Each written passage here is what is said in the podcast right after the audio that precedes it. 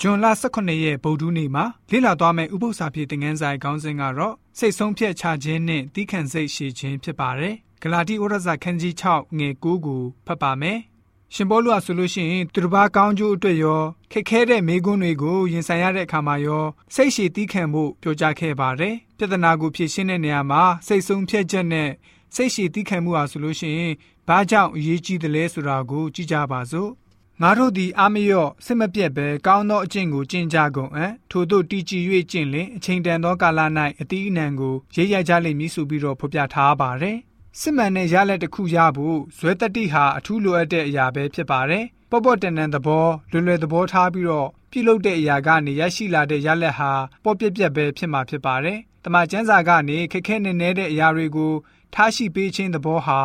ကျွန်တော်တို့ရဲ့အုံနောက်အသိဉာဏ်ကိုလှုပ်ဆောင်မှုပြုဖို့အခွင့်ပေးထားခြင်းဖြစ်ပါတယ်။ထိုနည်းတူပဲကျွန်တော်တို့အတွက်ရလက်ကောင်းတွေရရှိနိုင်စေဖို့မှန်ကန်စွာဆုံးဖြတ်စိတ်ရှည်သိခံခြင်းသဘောရှိရပါမယ်။တမန်ကျမ်းစာကနေရေးသားချက်တွေရဲ့အ내အတိတ်ဘယ်ကိုရှာဖွေဖော်ထုတ်တဲ့နေရာမှာတမန်ကျမ်းစာကိုအချိန်ယူလေ့လာရပါမယ်။ အဲ့လိုအချိန်ယူလေ့လာခြင်းအလည်းပဲသိချင်တဲ့သတင်းစကားနဲ့အ내အထိပ္ပယ်ကိုရှာဖွေခြင်းအတွက်အချိန်ကိုတန်မိုးရှိစွာအသုံးပြုတဲ့အချိန်ပဲဖြစ်ပါတယ်။နှုတ်ကပတ်တော်ကိုစစ်ဆက်တေချာစွာရှာဖွေလေ့လာခြင်းအတွက်အဖြေရရှိဖို့အတွက်ရောအချိန်များစွာယူရမယ်ဆိုရင်ရောများစွာသောအကျိုးရရှိမှာကတော့တေချာပါတယ်။ရှုပ်ထွေးလေရှိတဲ့အကြောင်းအရာတစ်ခုရဲ့အဖြေကိုရှာဖွေတဲ့နေရာမှာ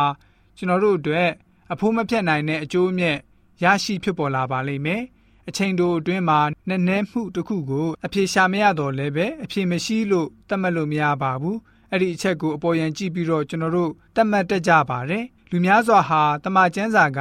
ခက်ခဲနေနေတဲ့အကြောင်းတွေကိုရင်ဆိုင်နေရမယ်ဆိုရင်တဝက်တစ်ပြက်သာစဉ်းစားပြီးအဖြေရှာမရလို့မှတ်ချက်ချတတ်ကြပါတယ်။တချို့တွေဟာတမိုးရှိလာတဲ့တမချန်းရဲ့မိကွန်းတွေအားဖြင့်အစာပြုကြပြီးတော့အတူတကွလေးလာကြပါတယ် ကျွန်တော်တို့လူသားရဲ့အသိဉာဏ်ကလေးနဲ့လေ့လာရသည့်တိုင်အလွန်တရာလွယ်တဲ့အဖြေကိုရရှိနိုင်တဲ့အကြောင်းကိုမမေ့အပ်ပါဘူးအဖြေရှာလို့မရဘူးလို့လုံးဝသဘောမထားပါနဲ့အခရာတင်ချာကိုစတင်တွက်ချက်တဲ့သူတူလို့ပု္ပ္ပာရဲ့အဖြေကိုရရှိဖို့နိုင်ဝက်ခန့်အချိန်ဖြုံးကြရတတ်ပါတယ်စူးစမ်းနေရပါတယ်ပြဿနာပု္ပ္ပာရဲ့အဖြေထုတ်ဖို့မဖြစ်နိုင်လို့ ဖြေဆိုလာတတ်ပါတယ်။အကြောင်းကတော့နိုင်ဝက်အတွင်းဘယ်အရာတစ်ခုတလေကိုမှအဆက်အဆက်မရှိတဲ့အတွက်ကြောင့်ဖြစ်ပါတယ်။ထိုနည်းတူတမကျန်းစာရဲ့နည်းနည်းချင်းအဖြစ်ကိုလည်းပဲစိတ်ရှည်သီးခံပြီးတော့ဖော်ထုတ်ကြရပါမယ်။ကျွန်တော်တို့ကိုယ်တိုင်အားထုတ်ပြီးတော့စူးစမ်းအဖြေရှာလိုက်တဲ့အခါပြဿနာအကြောင်းရင်းတစ်ခုကိုတခဏဘေးကိုခြာထားလိုက်ပါ။အဲ့ဒီအချိန်မှာပဲတင့်ကိုဖျားရှင်ဟာရှင်းလင်းစွာဖော်ပြခဲ့တဲ့အရာကိုလေ့ကျင့်ဆောင်ရွက်ပါ။ တချို့သောဝိညာဉ်ရေးရာကိစ္စတွေမှာ